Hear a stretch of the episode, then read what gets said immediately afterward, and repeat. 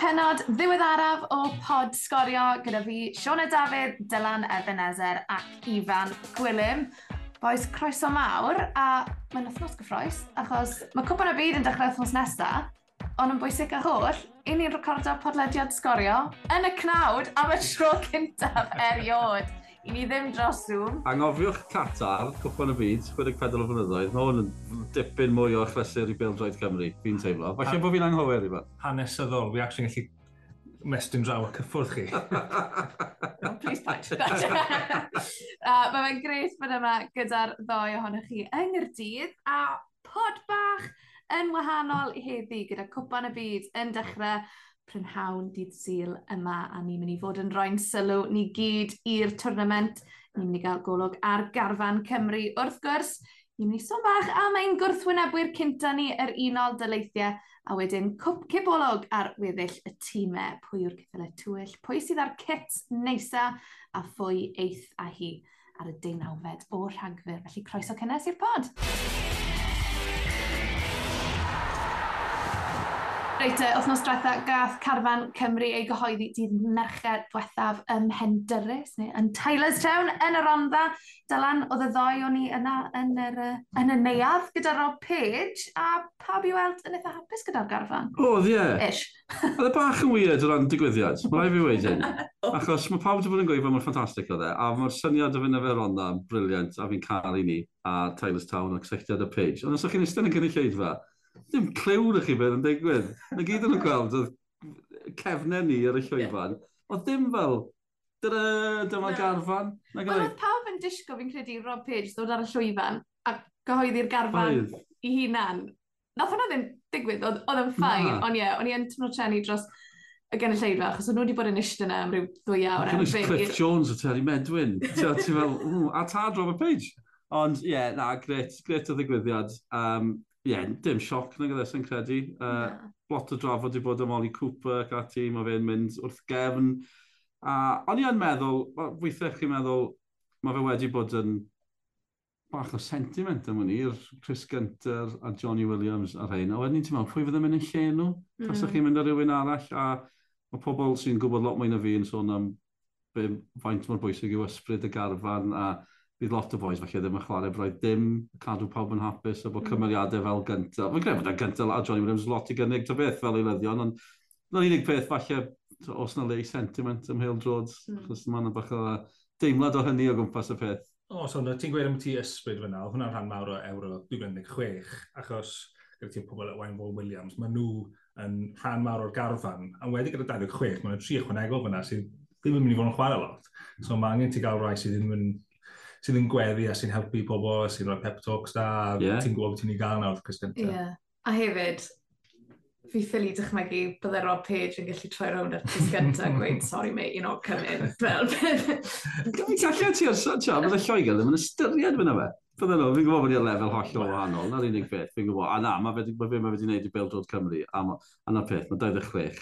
Um, be sy'n cael fi, mae 8 o nhw'n mynd i trydydd prif mm. bencampwriaeth, mae hwnna'n beth mawr. A hefyd, fi ffyri stop yn meddwl, diolch beth taw 26 i ni'n cael mynd, dychmyg achos yn reiddiol, mae'n 23, a fi'n credu bydde hwnna di gwneud pethau mm, lot, lot yn, yn anoddach i Gymru. Ie, yeah, dys ni'n lot o siocs i gael yn y garfan, really. Mm. Y blawn, falle, Tom Lockyer oedd yr enw yn sefyll mas, ond dim bod e'n rhywun ni ddim yn nabod, mae fe wedi bod mewn, oedd e yn rhan mawr o'r gemau rhan global i gyrraedd Euro 2020. Doedd. So, mm-hmm. dyd, ni'n gwybod ni'n gallu... Ond Oedd un o'r rei ni dwth mewn na, yn cofio mewn, pwy boi ma? Oedd gyda gigs, dwth efo, oedd gigs yn amlwg yn fan mawr o fe. Oedd e, didn't put a foot wrong i fod yn deg da fe, fel mm. arfer, pan oedd e chwarae, felly ie, gret bod e'n ôl. Ie, yeah, mae'r garfan wedi dewis i hunan really, achos Ie, yeah, falle os bydd yna tri arall yn goffa gael y cut, fydden ni'n cael rhywun sydd yn teimlo bach yn mwy put out. Wel, mae'r garfan mas, y cwestiwn nesaf yw, pwy yw'r un ar ddeg sy'n dechrau yn y gêm agoriadol yna yn erbyn yr unol dyleithiau? Achos mae ma yna dipyn o dadle wedi bod o ran pwy yw'r un ar ddeg cryfa sydd gyda Rob Page. A hefyd, a newn ni sôn am hwn nes mlaen, lot o chwaraewyr sydd mewn fform fel mae John Hatton yn licio gweud i'w clybiau nhw, bydde ddim o'r eidrwydd yn dechrau o dan Page, coff coff, Danny Ward yn y gol. so dyl yn y ti, o ran yr un ar ddeg, pwy fydde ti'n licio gweld? Um, fi'n credu uh, fi'n hollol hapus dy Hennessy yn y gol, rhaid fi gyfadde. Mae'n ma, rhyfedd, achos pan gath Danny Ward i wneud y dewis cyntaf, a ddim yn teimlo bod Hennessy wedi gwneud llawer yn anghywir. Mm. A fi'n credu bod Danny Ward yn dim yn anghywir i beidio bod yn rhif un. Mae'n ma, ma dewis anodd achos byn ath y e gêm Crain ac ati.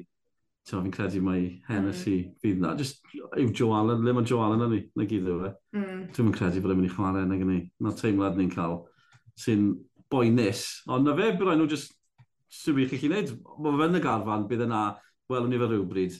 Fi'n credu bod wedi amper just come on in. Yeah. Dangos beth sydd ati. Ac eithaf gam i fyny.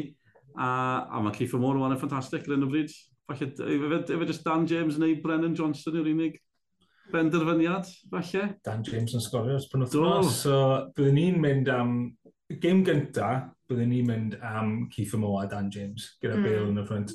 Un achos nhw'r rhai mewn ffôn, ond, um, ond hefyd, mae well da fi gweld Cymru'n chwarae gyda big man up front.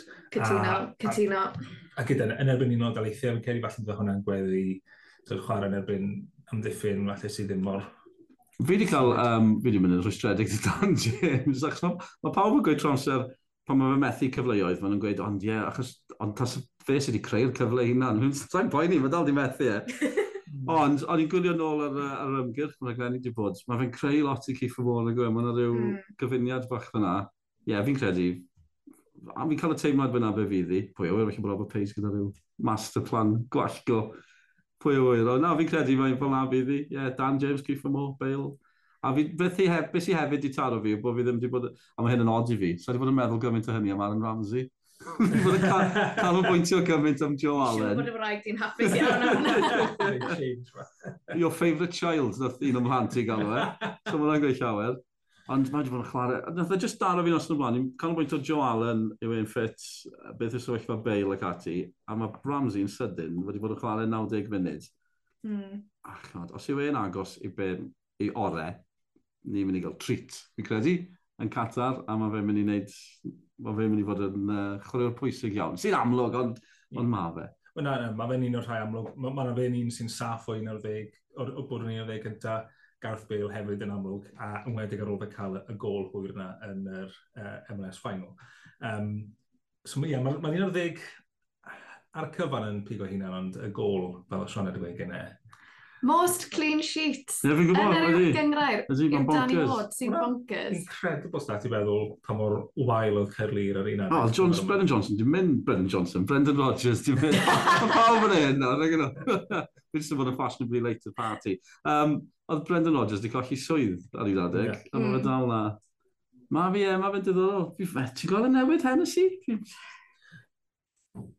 Sa'n gwybod! Oedd yn croes i mewn i fi, o'n i'n meddwl, o'n i'n meddwl, na, bydde fe ddim yn newid fatha. Ond fi'n teimlo fel ers i Rob Page gael y swydd, y pen tos, achos mae Hennessy a Ward, jyst i bod mor, fi'n siŵr allai ti roi un o'n nhw. Penderfyniad fe oedd wneud Ward y, y yeah. dewis cynta, i fod allai, felly mi gael siop. Ond fel wedys ti, ti'n meddwl nôl i gêm Ukraine, a twyd wrth gwrs golio Gareth Bale, ond perfformiad Hennessy, fi'n credu twyd, gath ni dros y linell, achos... Do, ond ar yr adeg yna oedd Ward ddim yn cael... Ddim yn ware. Ddim yn chwarae, yr un peth a Hennessy. Na, beth sy'n... Dwi Ward ddim di ware am...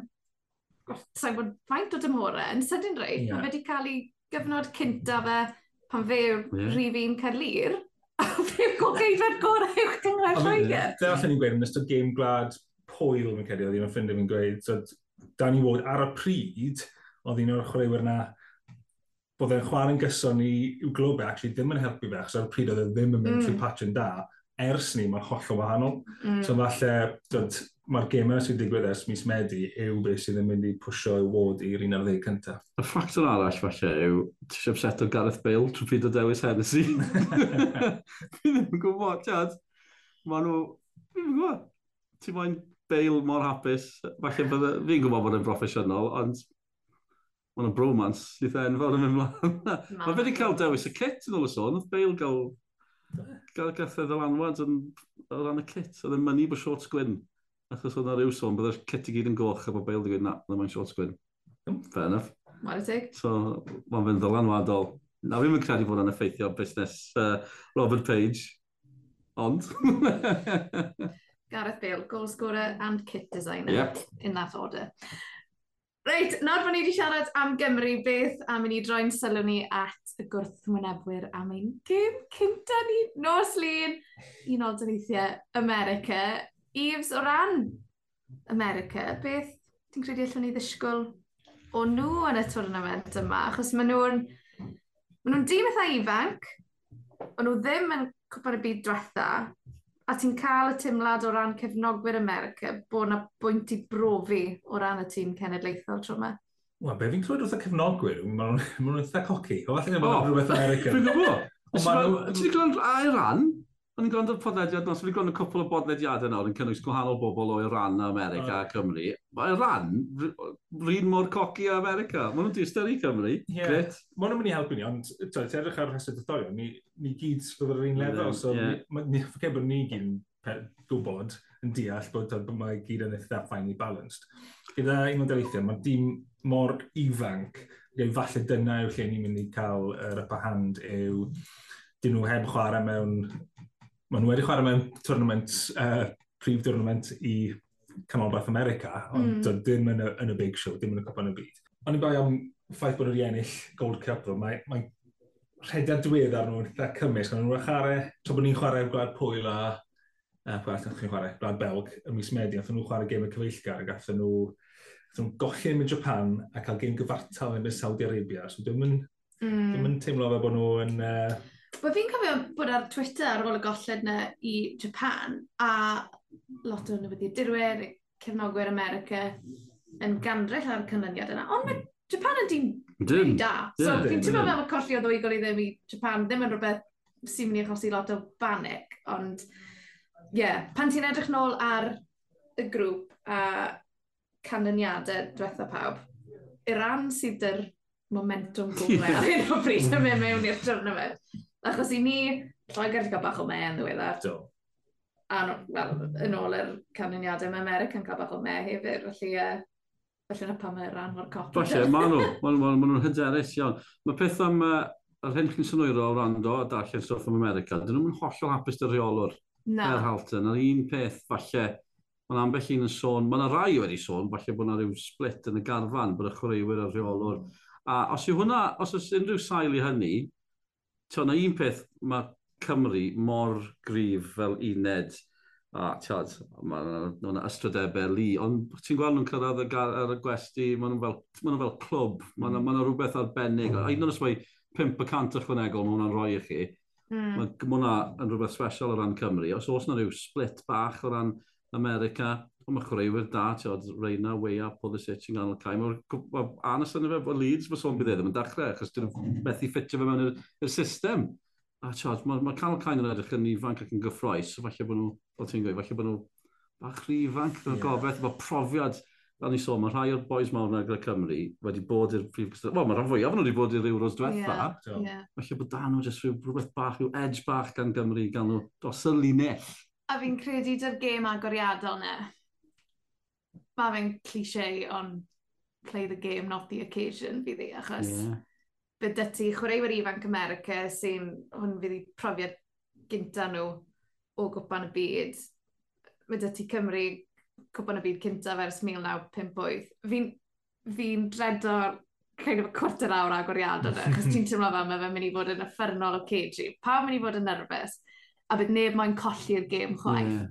Um, o hefyd, chi'n gwrando yn ôl ar uh, Ashley Williams yn sôn yn bod o ar Euros, a bod Cymru'n yeah. sydd wedi colli penne yn gwarter awr, nes bod Ben Davies yn clyrio nedd yn linau. Ar ôl y bloc ne, so, nath hwnna just adael un o gyd fe'n rhaid. Yeah. Cool heads nawr. Oedd e'n rhy gormod. Oedd nhw'n rhy pumped up. Oedd nhw'n gweud am Coleman ac ati a, a run through a brick wall. Wel, oedd e ddim yn helpu, oedd angen. Yeah. A nath e setlo nhw. A falle, maen nhw wedi, tiod, Mae cwpan y byd yn wahanol, ond mae dan o'r profiad o fod i gystadleuaeth fawr. Falle wnaeth hwnna just setlo nhw ar dechrau'r gêm. Wnaeth hwnna setlo fi. Byddai'n bits yn y corn.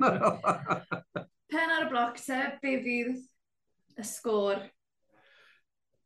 Byddai'n hapus gyda gêm gyfartal yn ebyn America.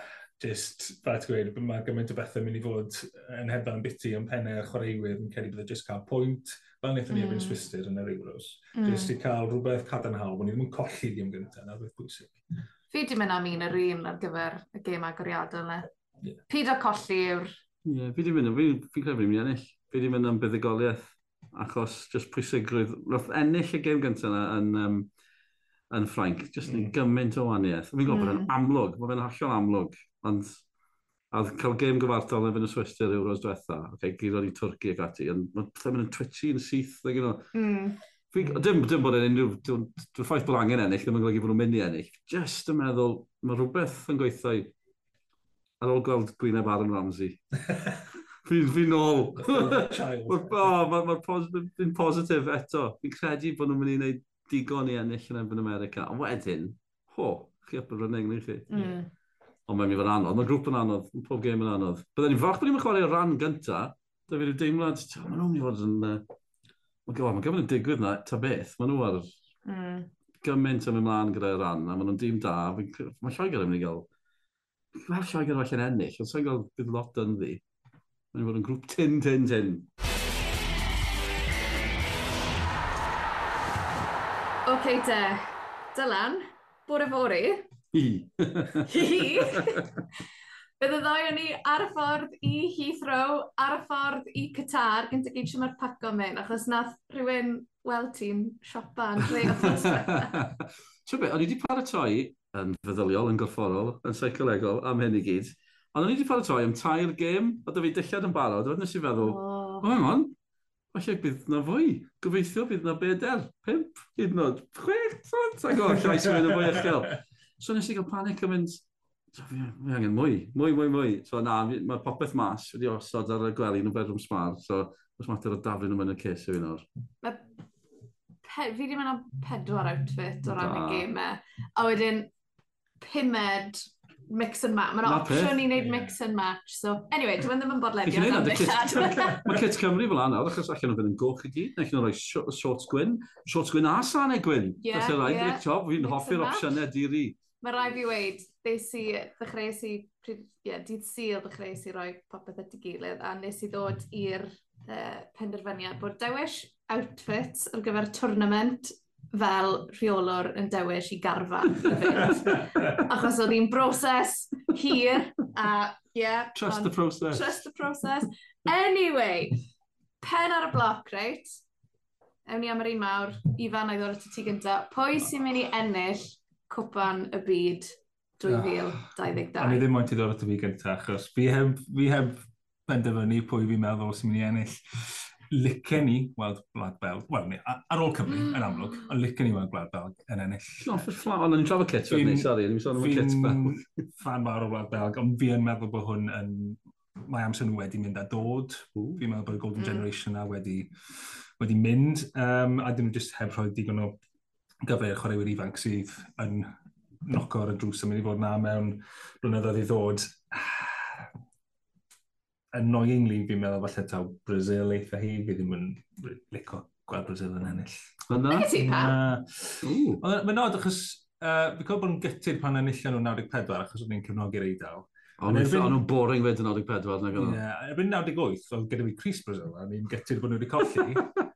A wedyn ni'n ni cefnogi'r Almain eto pan enillio nhw'n 2002. So, fi fes byth yn enillio, fi byth yn cefnogi'r enillwyr yn pan dod at cwpan y byd.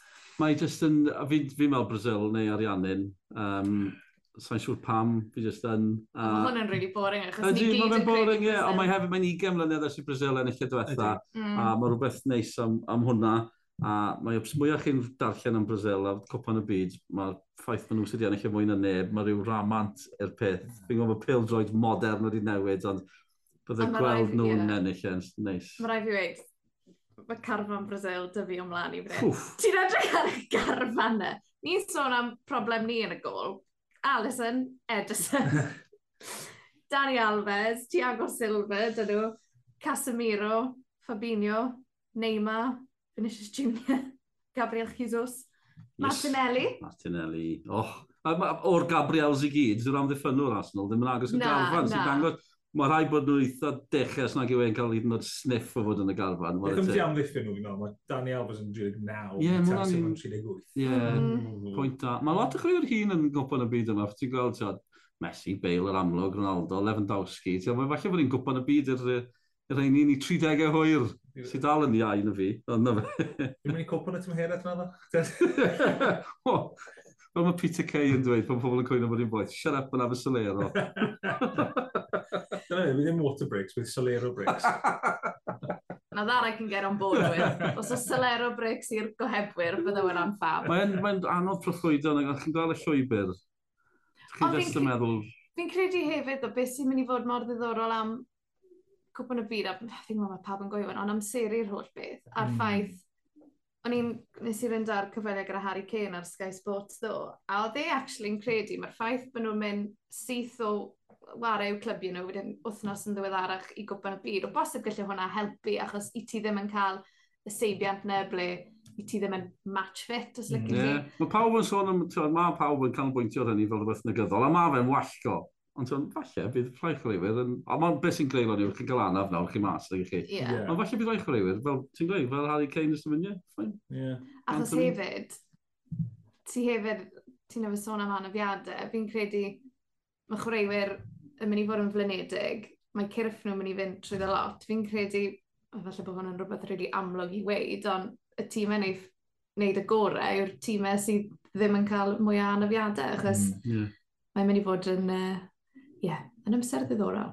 OK, so ni gyd yn kind of cytuno Brazil, yw'r enillwyr. Ceffila tywyll. Nawr te. Del? Wel, ie, yeah, um, es i am rywun, fi wedi mynd am Canada, dim achos bod nhw'n mynd i, sa'i credu nhw'n credu, a nhw'n gyrraedd tiad y pedwar ola, neu nhw'n rwyth ola. Fi'n credu bod nhw'n mynd i upseto pobl. Na gyd, na gyd oedd i dal yn sylwi o ran Canada. Fi'n wrth ymwyl, unrhyw un sy'n gyda Alfonso Davis, am, am enw tio, am chwaraeon. Maen nhw'n ma nhw eitha tebyg i America, maen nhw'n eitha ifanc, tiad, a maen just, fi'n gwybod, just, maen nhw'n y grŵp. Maen nhw'n ma Belg, Morocco a Croatia. Ie, yeah. so fi'n lli lligon yn upset o rhywun, yeah. fyna. Falle bod fi'n hollol anghywir, ond jyst o'n i'n meddwl, tio, nath rhywun sôn am cyffylau, cyffylau tywyll, nath rhywun dewis Frank. So o'n i'n meddwl, dim lot pwynt o'n, dwi'n credu. Yeah. So fi wedi mynd am Canada, jyst i upset o rhywun yn y grwpio yna. Ifan? Fi, fi, fi, fi, fi, fi, fi, fi, fi, fi, fi, fi, fi, fi, fi, ond cwpl o rhai sy'n sy'n ei sylw fan hyn, ond fi'n cael ei frin i fi, dim i ennill e, ond falle cael rhwng gynderfynol Uruguay. Mae carfan nhw'n edrych yn ffantastig. Ti'n gweld y fideo? Maen nhw wedi coeddi carfan? Ie, maen nhw'n coeddi carfan a maen nhw'n mynd i hometowns pob un o'r chwaraewyr. Wedyn, rond o gwmpas yw'r goes. Y Cymru yna, byddwn ni'n mynd i hal y llefydd. Byddwn ni ddim yn gweithio.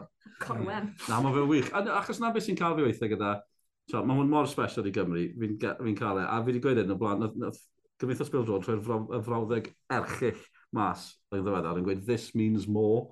A dyw e ddim, achos pan chi'n gweld Uruguay, cewch chi De America, cewch chi Asia, cewch chi yeah. y byd, dyw e ddim, ni ddim, ti'n ni, ni special, mm. ond ni ddim yn unigryw. A oedd gweld fideo Uruguay, ti'n meddwl allan o fynd yn bell i ti?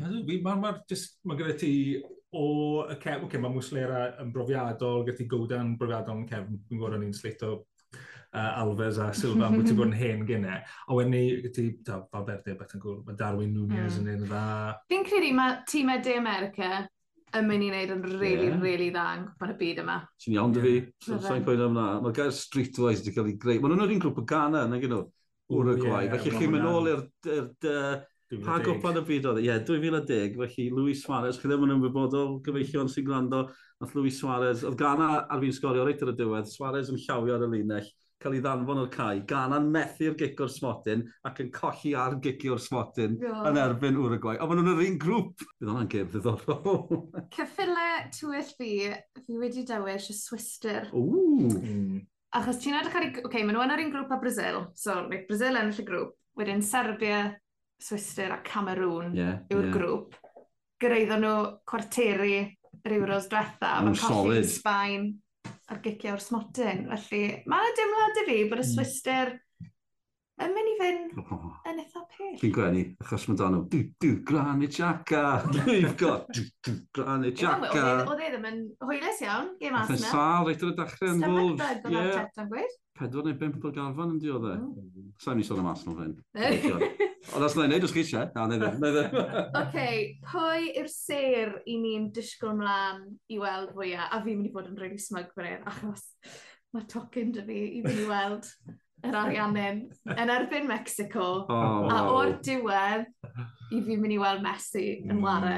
Dwi wedi gweld Messi, nes i addo ddim sôn am Arsenal, dwi wedi gweld Messi yn offorus. Yn chwarae yn erbyn Arsenal i Barcelona cwpl o weithiau. Nellio ni nhw nhw. Yn yr Emirates. Dim dros dau gymal. Ta beth dim podlediad am Arsenal yw yn. Waw, ie. Ond mae'n neis na gwaith, byddwn ni gyd yn hen, neu'n hun, yn achos i ryw ddynod, ond mae'n gweud, nes i weld Messi, mm. fel gweud, fi'n gwybod byddai'n bydd plant ym mhlant a mwy gobeithio, byddwn mor bod o clywed yr hen foen sôn, nes i weld Gareth Bale, bob bol bach, chwaraewyr heddi, dyn nhw'n patch ar Bale. Ie, yeah, fi Messi, fi'n credu, gyda'r problem gyda'r rhiannu, mi'n gwaith ti'n gweud nhw'n falle tips am, am y tournament, fi'n credu bach fel oedd nhw yn 86, bach o'n one-man team. Ceri... Dal un nhw, ti dal yn teimlo felly bod nhw? Ydw, Ceri 2014 pan greu nhw rhwng dyfynol, fi'n ceri oedd gyda nhw tîm i baco Messi lan, ond dim tro hyn. Ond hmm. ie, mm. yeah, bydde fe'n ffantastig os ydy Messi wneud uh, individual display bach uh, i ti, Sioned. fi ddim yn... Ie, fi'n edrych, Charles, fi'n edrych mlaen i weld y ser yn amlwg. Um, Dwi'n ni'n mynd o gweld Mbappe yn mynd trwy bethau. Mae Frank fel sy'n nhw'n rhyw self-destruct ar hyn o bryd hefyd. Mm. Ie, ac well, maen nhw'n mynd i fod llythrenol fan ma'n tîm gyda mae'n o addiadau. Oce, okay, a cyn i ni gloi, hwn yw'r bit really, really pwysig. Yn hofiwch yn bwysig mynd i ennill gwpan y byd. Pwy sydd gyda'r kit gorau? Clyni off. Ti'n ei wneud gartre hwn, mwyn edrych byd. a lle nes gweud gyntaf, Puma, chi'n warth. Ie. Yeah, Mae cysau Puma yn horrendous. Mae nhw'n rhyw bib dros dyn nhw i gyd. Mae'n nhw'n neud i wrth gwaith. A mae nhw'n rhaid iawn, achos dyn nhw ddim wedi gwneud y bib thing ma. Yr aways sydd yn horrible. Fi'n mynd i weid, cyn i ni fynd mlaen i'r ei gorau, away kit gweitha, sef Puma, Serbia.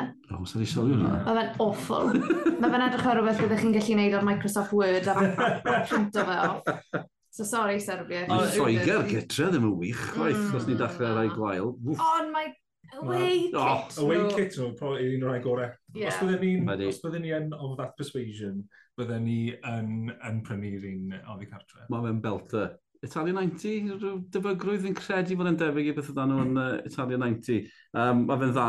Uh, yn amlwg fi wedi bod yn canolbwyntio ar hyn, fi'n caru nhw. Mae Mexico, yeah. gatre, yeah. oddi cartre, mae'r oddi cartre gyda rhyw batrwm Aztecaidd iddo fe, a mae'r un gatre yn neis. Mae'n Cymru, fi'n fi, fi, Mae ma wedi tyfu yna lot i Cymru. E, mae Didas yn top tier, fi'n meddwl, at. Ond mae wastad, fi'n licio yn Cymru, fi'n gwisgo un cartre Cymru hyn o bryd, ond ti'n cymharu fe gyda i Japan a Mexico. Wel, yn union, maen nhw'n Adidas hefyd. A maen nhw'n just gymryd gwell. Mae'r oddi cartre Japan a Mexico yn Ydyn. ffantastig. Mae'n rhaid i wedi, mae fe'n anodd iawn i gael hwn yn anghywir, ond Kit Cartre ar Ariannin. Mm. Just, ti, oh, mae pob un just yn gorgeous. Y, y glas a'r gwyn o fynd, y stripes di. Ie, yeah, oh. mae'r ma, ma, un Ariannin, un o'r gorau wedi gweld achos y contrast di, a yeah. mae'n gweithio'n really nice. Ond dwi'n fi'n obsessed, mae'n gret. Mae hwn actually wedi troi mewn i podlediad ffasiwn. Mae spai, spai noddi cartre, sgwch chi gyfle weld hwnna, glas gole, ah. uh. mae rhyw batrwm neis o'n fe, mae hwnna'n gweithio. Sa'n economi.